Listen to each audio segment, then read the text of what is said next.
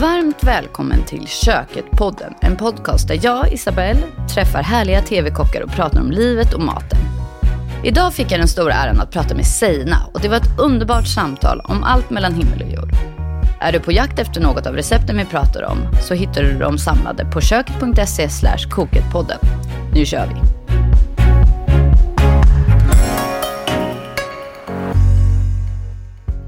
Seina Mortada är bloggerskan som tagit hela Sverige med storm.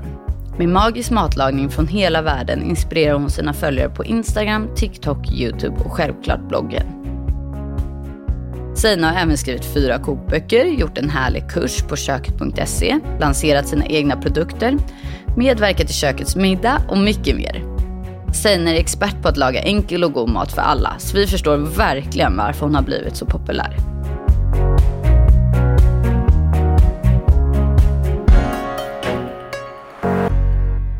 Välkommen hit! Tack snälla! Hur mår du? Det känns bra, jättebra. Mm, kul! Superkul att ha dig här. Vi har ju som jag sa innan super, super mycket frågor till dig. Så jag tänker att vi kör igång direkt. Vad spännande.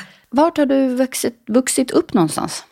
Um, ja, jag har vuxit upp i Malmö. Mm. Men eh, vi flyttade runt ganska mycket innan vi hamnade just i Malmö. Och sen så flyttade jag från Malmö för typ 19 år sedan. Mm. Så att lite överallt kan man säga. Vi kom först från Sierra Leone till um, Göteborg och sen flyttade vi till Landskrona, Borås, Bår, Värnamo, eh, Växjö. Hela Sverige runt. Överallt och sen till slut så slutstationen Malmö och sen så flyttade jag därifrån. Ja. Hur såg det ut med maten och så när du var liten? Vad åt ni för mat? Oj, allt möjligt. Mina föräldrar var jättebra på att liksom så här, ta in nya smaker i, på vårt middagsbord. Eh, mina föräldrar lagade mycket västafrikanskt och libanesiskt. För vi bodde i Sierra Leone, där jag är född. Och eh, där lärde min mamma laga, sig, laga allt från så här domoda till jollof rice, som är så fantastiska rätter från Västafrika. Men de kommer ursprungligen från Libanon och libaneser är väldigt stolta över sin mat. Lite som italienarna är, liksom, mm. vår pasta är den bästa. Så är libaneserna också. Mm. Eh, så det var mycket libanesiskt, mycket västafrikanskt, men också mycket smaker från olika delar av världen. Eh, min mamma var väldigt snabb på att, ehm, när vi kom till Sverige, att börja testa svenska rätter. Och mm.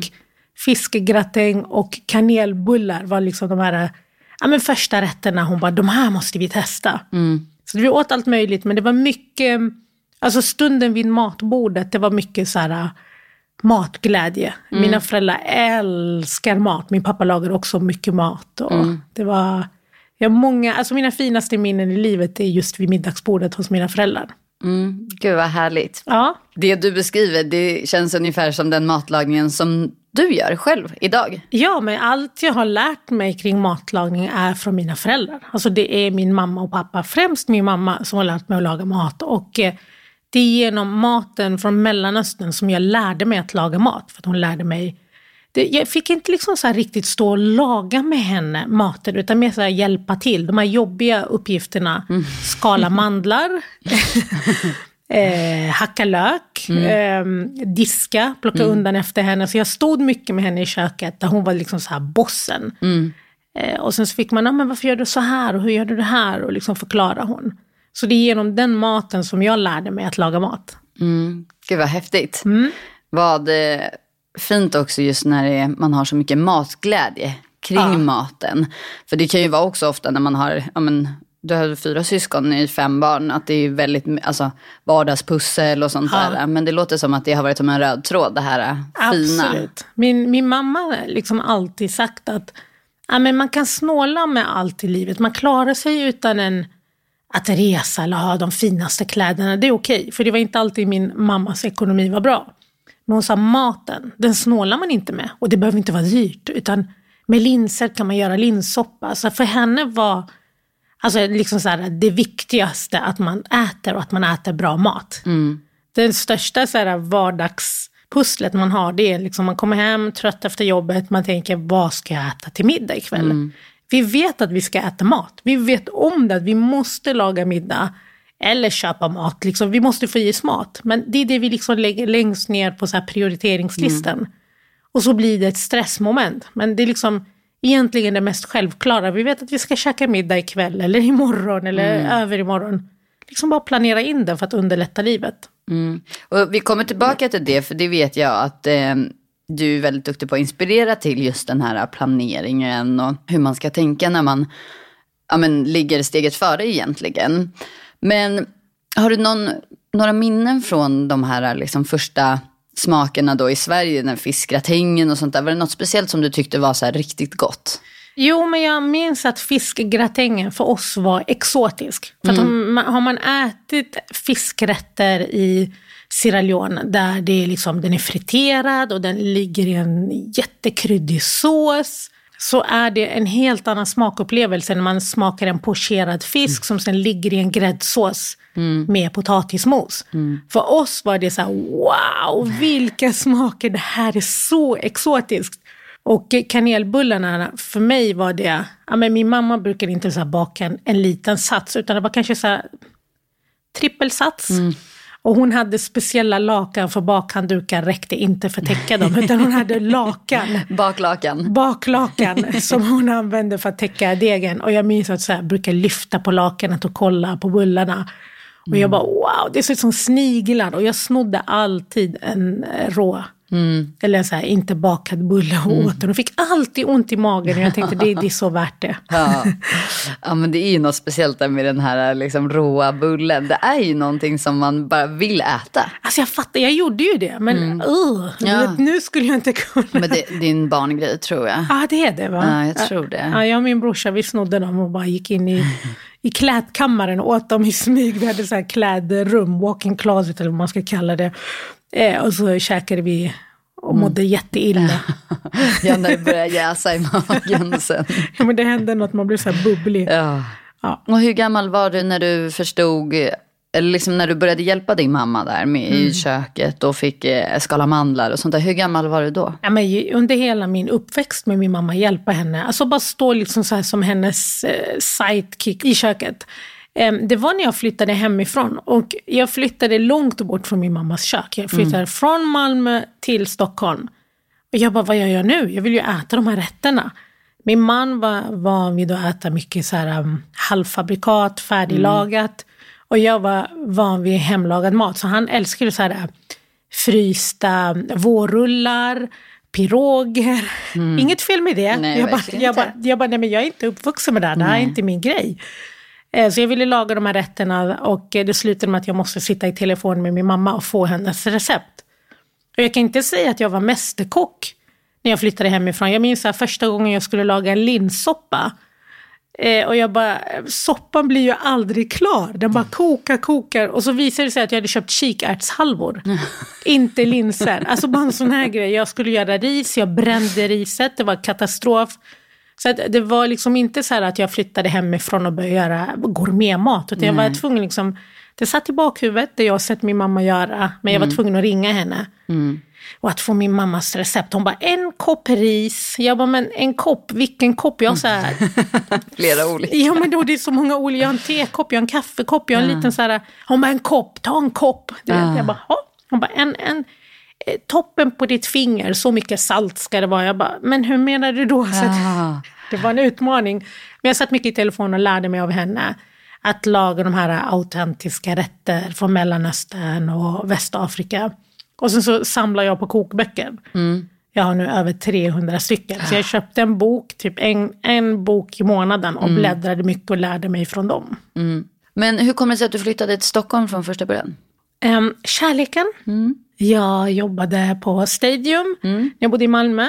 Och så in kommer det en snygg kille som ska köpa badshorts. Jag bara, ha, han är från Stockholm, han var på väg till stranden. Och ett år senare var vi gifta. Och jag lämnade allt. Och vi har varit gifta i eh, ja, men snart 19 år. Och vi har tre kids. Så att, eh, det, det var kärleken. Ja, det var kärlek vid första Ja, det, ögonkastet. var, det var helt galet. Det var Jag bara- ett par badshorts som behövdes. det var allt som behövdes. Ja, jag såg ju faktiskt på din Instagram att eh, ni var tillbaka där vid den butiken Ja. nyligen. Precis. Alltså det var ju så häftigt. Ja, vi tog med min tonåring, för vi har snackat så mycket om Stadium. Jag bara, nu, nu ska du få följa med, ska vi visa var vi träffades. Alltså ställde vi oss där, vi bara liksom kunde inte sluta skratta. Men hon tyckte vi var jätteskämmiga. Men ändå klickade hon en bild. Hon bara tog bilden på oss och sprang. Ni är så skämmiga!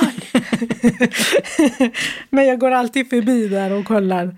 Ja, mysigt. Ja. Bor din familj kvar i Malmö? Ja, mina syskon och min pappa bor kvar i Malmö.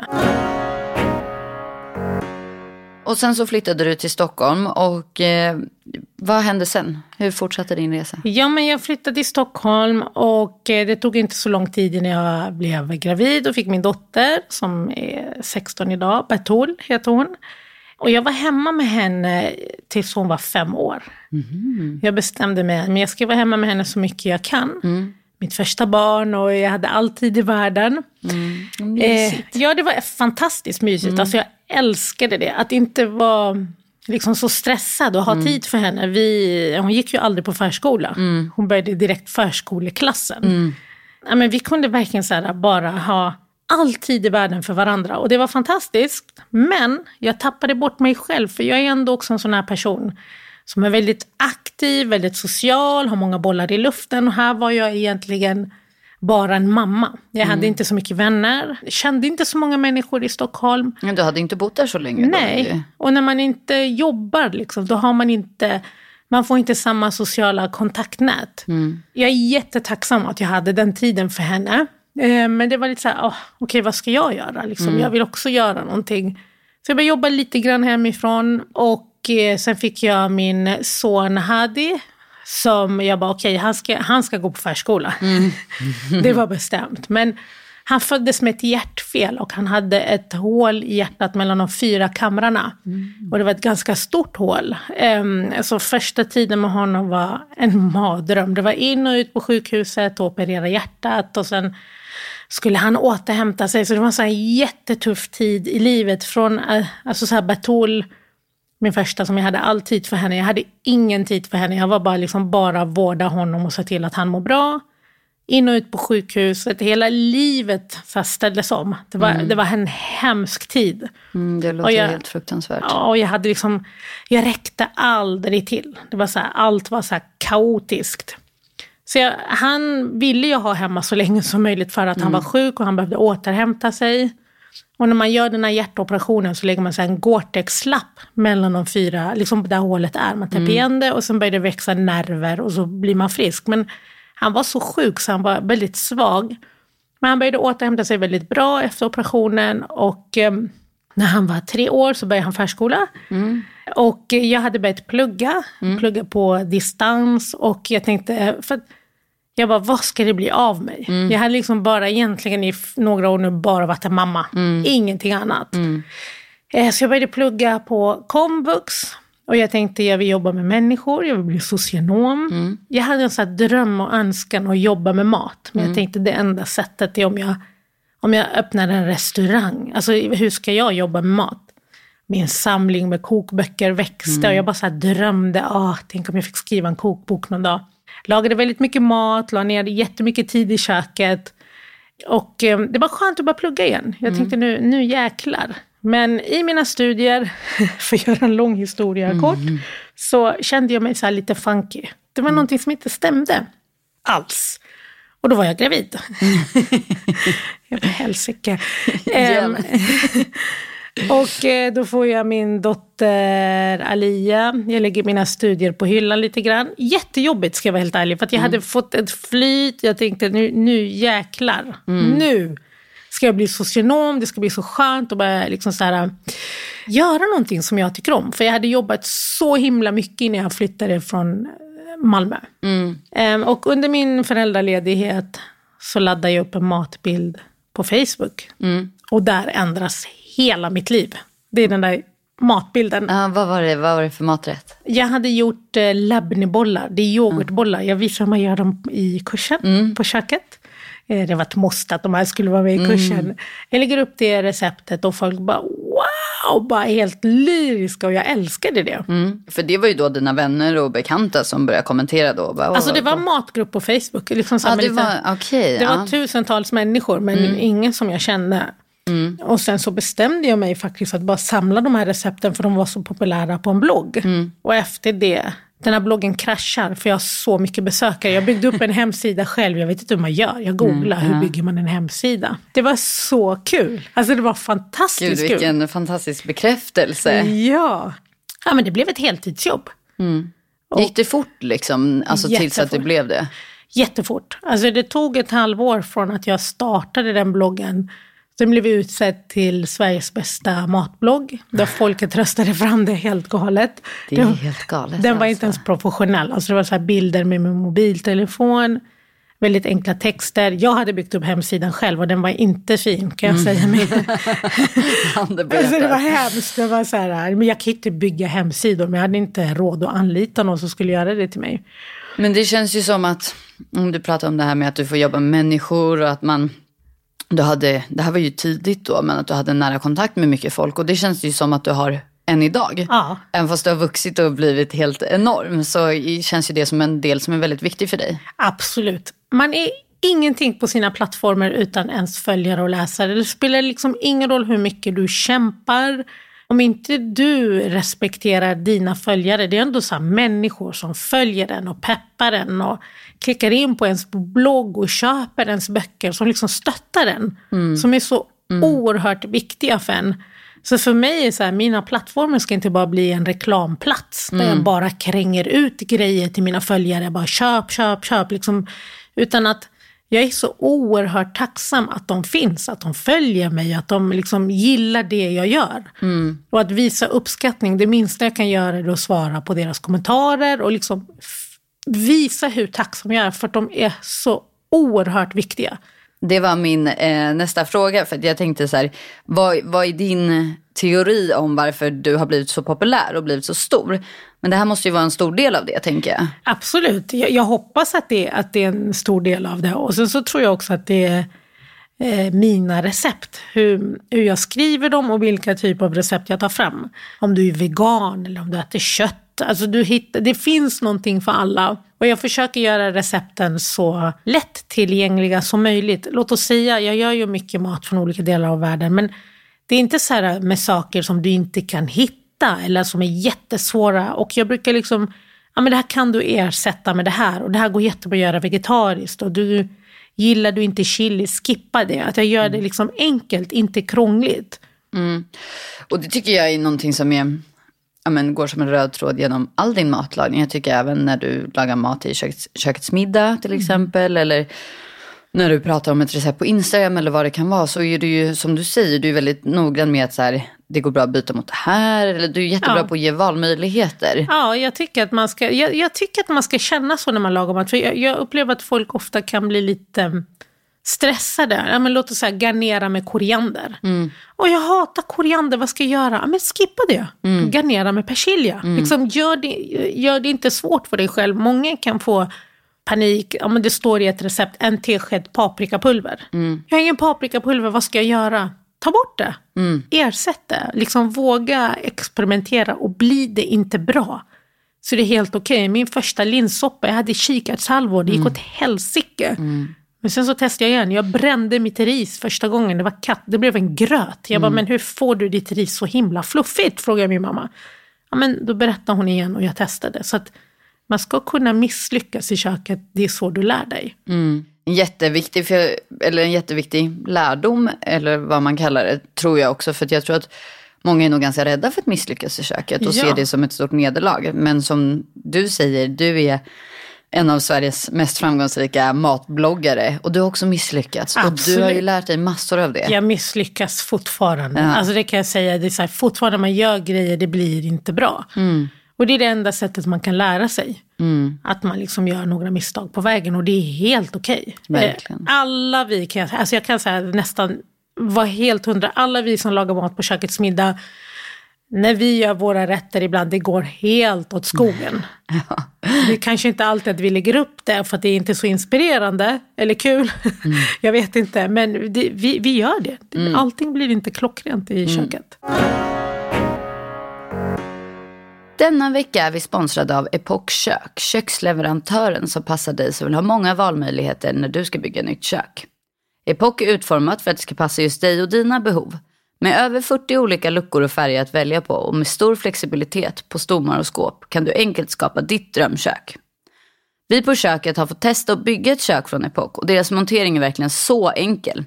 Med ett unikt klicksystem kan man snabbt montera ihop köket helt själv. Ett perfekt sätt att spara både tid och pengar. Dessutom har Epoch marknadens längsta garanti på 35 år avseende material och produktionsfel. Med Epoch får du helt enkelt väldigt mycket mer kök för pengarna.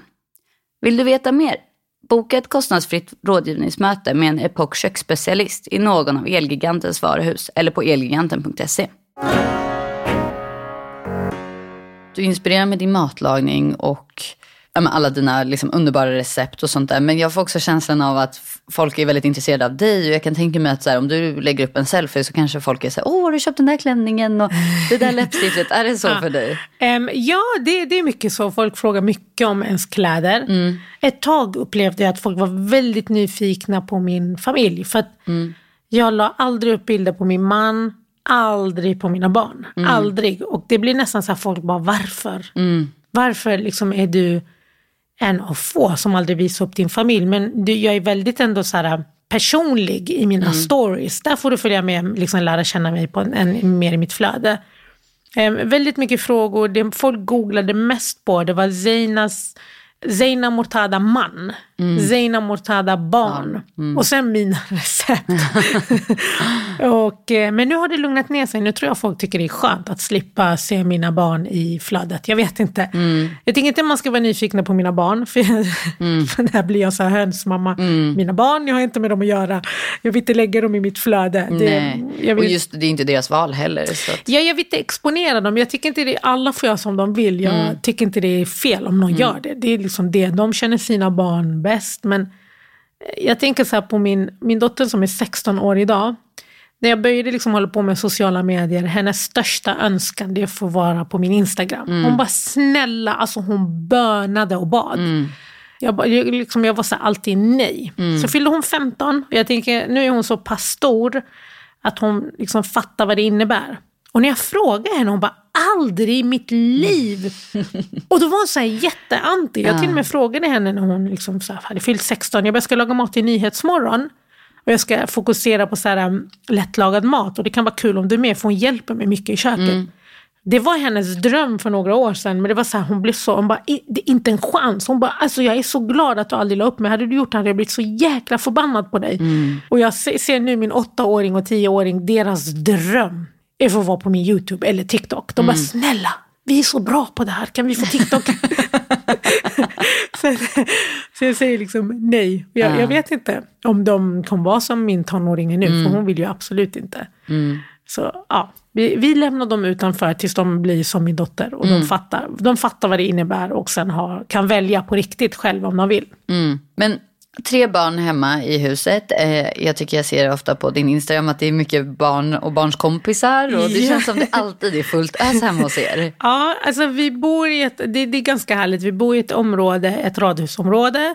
Och där barnen, ja, men barnen springer fram och tillbaka, det är mycket lek. Eh, sen när jag låser dörren så var många barn så här på sommaren, va? Varför låser du dörren? De vill in och ut och springa. Jag tycker det är så underbart, jag blir så glad. Barnen dyker alltid upp hungriga hos mig. Mm. Det, det, finns en... Man vet att jag jobbar med mat. Min mamma har din bok. Min mamma såg dig på tv. Vi kollade på din Instagram idag. Mm. Och många tror ju att det man såg på Instagram, det är det jag har lagat exakt. Du, de där kakorna du la finns det kvar? jag tycker det är så underbart. Det roligaste jag har hört en dag, jag var så här, sa till min son, vet ni vad? Ja, du kan, dina vänner får inte äta hos oss. Nu har jag, nu har jag lagat, alltså så här, det var typ så här, han lekte med fyra, fem vänner. Mm. Jag bara, det, det går inte, jag har inte mm. lagat så mycket mat. Så när vi ska käka får de gå hem. Och så står de i hallen, det här, alltså de är så söta, ett helt gäng. Mm. Så säger en av eh, pojkarna, det luktar jättegott hos dig. Han säger någonting jätteskumt om sin mamma. Han bara, min mamma kan också laga mat, men hon är inte matbloggare, hon är från Tyskland. Och Ja, nej hon kan inte laga mat och jag är hungrig. Och så jag bara, vet du vad, gå in. in och sätt dig så ska vi käka. Så jag bjöd in dem. Men det är mycket spring eh, och jag tycker det är underbart. Så ibland kan det bli lite jobbigt när man ska spela in klipp och man behöver mm. ha tystnad. Eh, Men eh, jag tycker det är härligt och han, min son är lika mycket hos sina vänner och käkar och spr- springer fram och tillbaka. Jag, jag tycker det är underbart. Mm, härligt. Ni äter allt möjligt hemma hos er eh, och mat från hela världen. Vad är liksom favoriträtten? De älskar det mesta. Alltså de äter igen, alltså de är inte alls kräsna. Jag, jag tycker det är så jätteskönt. Mm, lyxigt. Ja, men inte alls att äta liksom, ja, de gillar lite stark mat, de gillar kryddigt, de älskar grönsaker och de äter det mesta. Men det de gillar mest, vad jag upplever, det är så här Mellanöstern-maten. För att maten från eh, Mellanöstern, det är mycket, det är mycket husmanskost. Ofta kan man tro att Mellanöstern-maten är så här mezza och hummus och lite plock och lite tapas-feeling. Men det är liksom tvärtom. Det är mycket grytor och ris. Och eh, kebab är också en, en favorit. Min tonåring om vi ska ut och käka.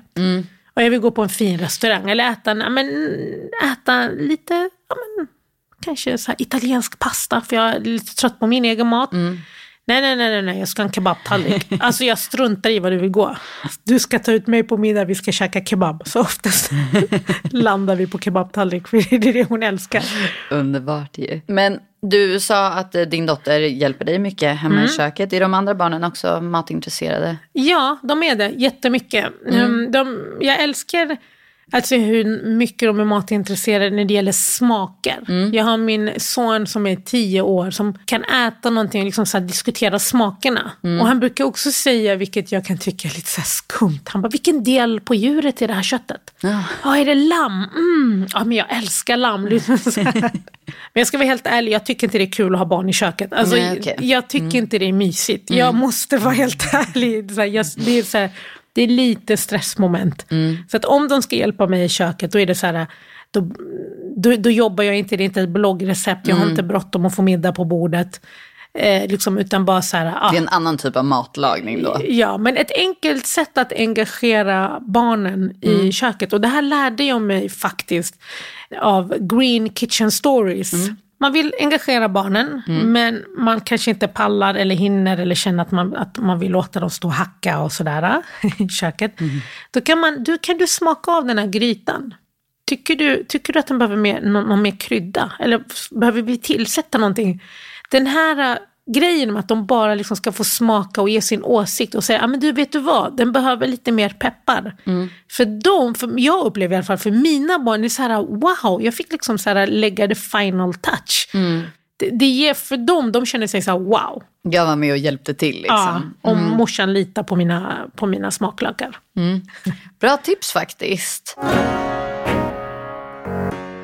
Din tredje bok var ju Veckans matsedel. Ja. Som handlar ju egentligen om veckomenyer. Ja. Och liksom middagsplanering och sånt.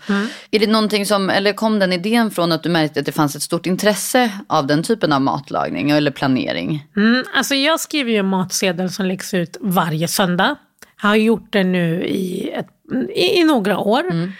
Man kan kolla på min statistik på bloggen. Det är liksom så här, äh, ja, men kurvan är ganska så här äh, rak och sen söndagarna så bara skjuter den rakt upp i höjden. Alltså det är så här, äh, min besökarstatistik fördubblas. Så det är så fantastiskt. Så jag ser att söndagarna är the peak. Eh, Så jag tänkte det här måste ju vara en perfekt idé till en bok, veckans matsedel. Och jag, jag, jag skriver så här, varje gång jag publicerar matsedeln så börjar att skriva veckans matsedel. Det är den liksom första orden jag skriver, sen presenterar jag vad, vad, jag, vad det finns i matsedeln den här veckan. Och då var det så här, vi måste skriva en bok med vardagsmat. För jag tror också, jag skrev min första bok, det är mat från Mellanöstern. Lite mer avancerad, lite tidskrävande. Min andra bok är så vegetariska rätter. Också lite, så här, men lite mer, inte avancerade, men rätter som tar tid. Så då, då fanns det en efterfrågan en bok med mina lättlagade rätter. Ja, men är du duktig på matplan eller liksom veckoplanera själv hemma? Ja, jag måste vara det. Alltså för att eh, annars kommer jag inte få ihop mitt liv. Om inte jag mm, planerar mina middagar och går och storhandlar. Så att eh, det planeras.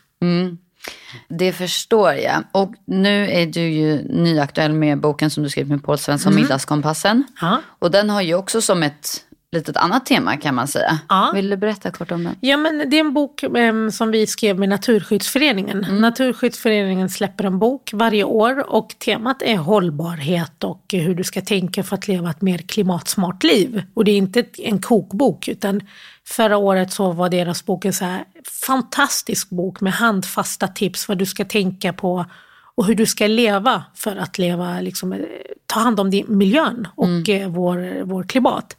Och jag älskade den boken, min förläggare skickade den. Och jag bara wow, vilken fantastisk bok. Älskar liksom enkla tips, den är i så fin, litet format.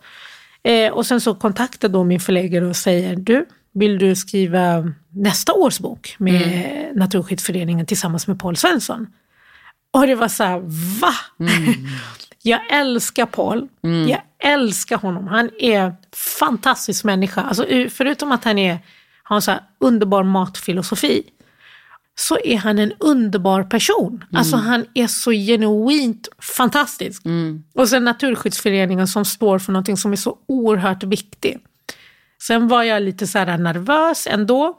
För trots att jag lägger upp rätter som är bra för miljön och bra för vår hälsa så har jag aldrig pekpinnar. Jag har inga problem att lägga upp en eh, friterade churros och sen kanske nästa dag en grönkålssallad. Men jag sitter inte med pekpinnar och talar om för folk så här ska du äta. Eh, Men det gick jättebra. Och så tänkte jag så här, en annan kock, hur kommer det bli att vi skriver en bok tillsammans? Kommer det bli lite um, spretigt? Kommer vi komma fram till så att få helt olika rätter, alltså massa olika rätter eller kommer våra rätter likna varandra för mycket?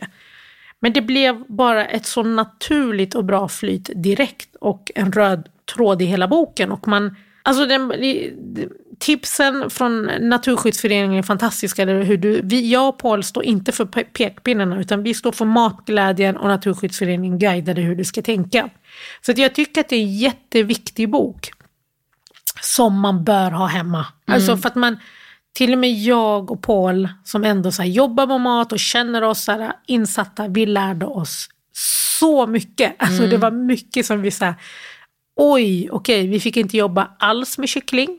De var bort med alla kycklingrecept i boken. Paul fick stryka sina fläskrecept. För det är också inte så hållbart och bra och inte så här, djurhållningen kring det är inte heller eh, bra och optimalt. Jag som älskar ost och kan tänka mig att riva ost på typ allt. Alltså jag Jag är med dig på den. Ja. älskar ost. De bara näpp, du får inte, det är inte heller bra. Du måste liksom minska osten. Du ska hellre köpa ett ekologiskt importerat äpple än ett svenskt icke-ekologiskt äpple. Jag bara va? Du vet, va? Du vet, så jag, bara, jag tänker svenskt. Ja, men nej, du ska alltid tänka ekologiskt. Det är liksom det är nummer ett. Ja, gud, vad många ögonöppnare. Verkligen, men som ändå är så här, de är ändå enkla. Om vi kan bara göra de här enkla justeringarna, det är inte så svårt. Liksom, Minska på köttet. Ät mer grönt. Det är egentligen ganska självklart. Så i boken visar vi hur du kan. Det finns köttrecept. Jag har ett, liksom ett recept i boken där det egentligen ska vara 800 gram kött. Men då har jag halverat mängden till 400 gram kött och så fyllt ut det med 400 gram bönor. Det blev fantastiskt gott. Så att liksom enkla medel så kan du göra bra val för din hälsa. Du mår mycket bättre. Och mycket bättre val för miljön och eh, klimatet. Så jag, jag, jag, jag tycker den boken är så, så viktig. Mm. Ja, men vi, vad kul att du fick vara med och skriva den. Vilken, eh, vilken ära får Ja. man väl ändå säga. Du får jättemycket fin feedback och jättemycket kärlek. Mm. Finns det någon baksida med att eh, vara i den här branschen? Som... Ja, men det gör det. det. Det har lugnat ner sig jättemycket nu. Men som när man började, ja, men första, första stora tv-framträdande, det var på Nyhetsmorgon. Då hade väl ingen, inte vad jag vet i alla fall, någon kvinna med slöja från Mellanöstern fått laga mat live på Nyhetsmorgon med den här maten också. Jag gör ju liksom mat från olika delar av världen och jag tror mitt första som jag gjorde var nog Mellanösternmat, om jag minns rätt. Ehm, och eh, det var så en chock för många. Jag tyckte det var så synd för att vi är så många som ser ut som mig som äter den här maten. Det borde inte vara en chock. Nej. Eh, och jag tror alltså att det jag gjorde öppnade dörrar för många andra som såg ut som mig, som lagade maten, för det fanns inte. Och då pratade jag, jag tror det här var 2015, 16. Liksom, det, det var helt nytt Mm. egentligen. Så det, det, det var jättetufft i början. Mm. Det var utmanande, väldigt påfrestande så här, psykiskt kan jag Mm. säga. För att ibland kunde man säga när, när jag började bli rädd för mina barn, alltså så här, rädd om dem, är det värt det? Mm. När jag får så här, när, när folk svär mig, liksom skickar verkligen så här svordomar. Och, Mm. För att jag lagar mat eh, från Mellanöstern eller från olika delar av världen och har min slöja. Så var det många gånger, är det värt för mig att utsätta mig själv för det här? Men jag älskar ju det jag gör. Och så finns det ju så många fantastiska, alltså man måste tänka så här, tusentals människor älskar det man gör och så är det så här ett tjugotal jättearga personer som hatar en. För, inte för att man gjorde dålig mat eller för att man har en dum åsikt, utan för att jag ser ut som jag gör. Ehm, så att jag visste väl att jag behövde jobba lite på det här. Att det här kommer lugna ner sig efter ett tag. Jag måste liksom bygga upp mig själv och visa att jag är här för att sprida matglädje. Det är ingen politisk eh, grej. Jag vill inte sprida min religion. Eller, alltså det är inte det jag är ute efter. Jag är ute för att sprida matglädje. Ehm, så det, det har lugnat ner sig extremt mycket. Det är inte alls på samma sätt. Men det händer fortfarande, absolut, att det är någon, någon arg arg gubbe någonstans som tycker det är jobbigt och vad fan laga svensk mat, du vet, kan bli jätteförbannade. Vi, Ja. är, vi är människor med känslor, alltså man blir jätte, jätte, jätteledsen när någon säger till mig, du är så jävla äcklig. Det tar på, mina, på, på mig. Jag, Såklart, Ja, såklart. så Ja, att- men det är ju helt fruktansvärt och som du säger så här, glömmer folk bort att du också är en människa som har Ja. känslor och tar till dig allt det här. Jag tycker bara att du säger så här, att redan tidigt så känner du att det kommer bli bättre, det kommer bli bättre. Att du ens kunde intala dig själv, det känns ju som, det tycker jag låter superhäftigt att du ens kunde göra det. Ja, men jag, jag kunde, för att, vet du vad jag märkte? För det fanns de som var chockade och jättehatiska, men det fanns de här eh, hundratals kvinnorna som skrev äntligen, äntligen, wow, jag är så stolt, äntligen ser jag en kvinna som lagar min mat. Wow, du påminner mig om min syster, du påminner mig om min mamma, du påminner mig om mig själv, så är jag också när jag lagar mat i köket. Det betydde jättemycket för mig. Jag bara, vet du vad, den här sura Göran som står med en gädda som profilbild och tycker att jag är äcklig. Ha, hans åsikt väger inte lika tungt som den här tjejen. Och gud vilken tur att de fanns. Ja, så att du inte verkligen. liksom la ner eller slutade göra det du gör. För det är ju Mm. jätte, jätteviktigt att du är med. För du utvecklar ju hela den här branschen. Ja, och jag älskar det jag gör. Alltså jag älskar, jag har på riktigt världens bästa jobb. Jag skulle inte vilja göra någonting annat. Så coolt. Ja. Du ska få gissa eh, vilka som är dina tre mest populära recept på kök.se. Mm. Jag tror jag vet. Ja, Får jag gissa? ja kör. Eh, den här pastan eh, med lövbiffpasta tror jag den heter. Eh, den här eh, gräddiga pastan. Ja, men det är nog Det, det är oxfilé. Men, ja, oxfilé. Så var det. Oxfilépastan. 100 procent. ja, den är din absolut mest populära. Kan jag faktiskt avslöja att den har över en halv miljon visningar. Så Ja. den är alltså, omåttligt populär. Ja, men vad kul. Krämig pastasallad med Mm. yes, det är kyckling. nummer två. Ja. Nummer tre. Nu måste jag tänka, jag har lagat så himla mycket. Det måste vara någonting från Mellanöstern. Kan det vara min turkiska gryta? Nej, tyvärr. Jag kan avslöja att det är ingenting från Mellanöstern. Nej, okej. Mm. Okej. Men det är eh, din lax i krämig apelsin och citronsås. Ja, just det. Ja, folk älskar laxrecept. Ja, det gör de verkligen. Eh, men det är så roligt för jag har det här framför mig. Så är Mm. det krämig oxfilépasta, krämig pastasallad, lax i krämig apelsinsås. Men vet du vad? Det som är så kul, att jag hade en gång en arg läsare som skrev Måste du skriva krämig? Om allt. Jag är så trött på det. Jag bara, men folk älskar krämiga grejer. Alltså, Ja. du, så om du säger så här, jättegod pasta med, med kyckling eller champinjoner. Eller så här krämig Ja. pasta. Folk bara wow. Ja, Så, det är klart man vill ha den krämiga varianten. man vill ha det krämigt. Krämigt är bra. Ja, krämigt är bra, absolut. Men vi har också i toppen så har vi typ din hummus och Just det. Många recept från Mellanöstern. Och, men nu, du har ju så himla många recept nu. Så Ja. det är verkligen, de här tre har liksom sprungit iväg och ligger Ja, i toppen, kul. toppen. Men alla dina recept går faktiskt fantastiskt bra. Vad roligt. Väldigt bra. Men eh, berätta för oss vad du har på gång framåt. En bok nämner du. Ja, eh, faktiskt eh, två böcker. Mhm. Det är jättekul. Eh, jag hade, hade en idé som jag la fram till min förläggare och han var så här, vad håller du på med? Men, men han köpte idén och det är så här, jag kommer kunna berätta om det snart. Eh, så bok. Jag har eventuellt en eh, podd på gång med Mm. en person som jag dör för och så här, en, en stor inspiration för mig. Och sen så ska vi lansera nya produkter på Seina Mm. som vi tror kommer ta hyllorna med storm. Skitbra grejer. Det var kul. Ja, det ska bli superkul att lansera dem. För det är så här, vi jobbar ihjäl oss nu för att det ska bli så bra som möjligt med smak och förpackning och sen sälja in det. Vi, vi vet ju inte vad mataffärerna säger. Så det jobbar vi på för fullt. Och eh, jag har ju en dröm om en, en jag har liksom en, en mega bra idé om ett matlagningsprogram.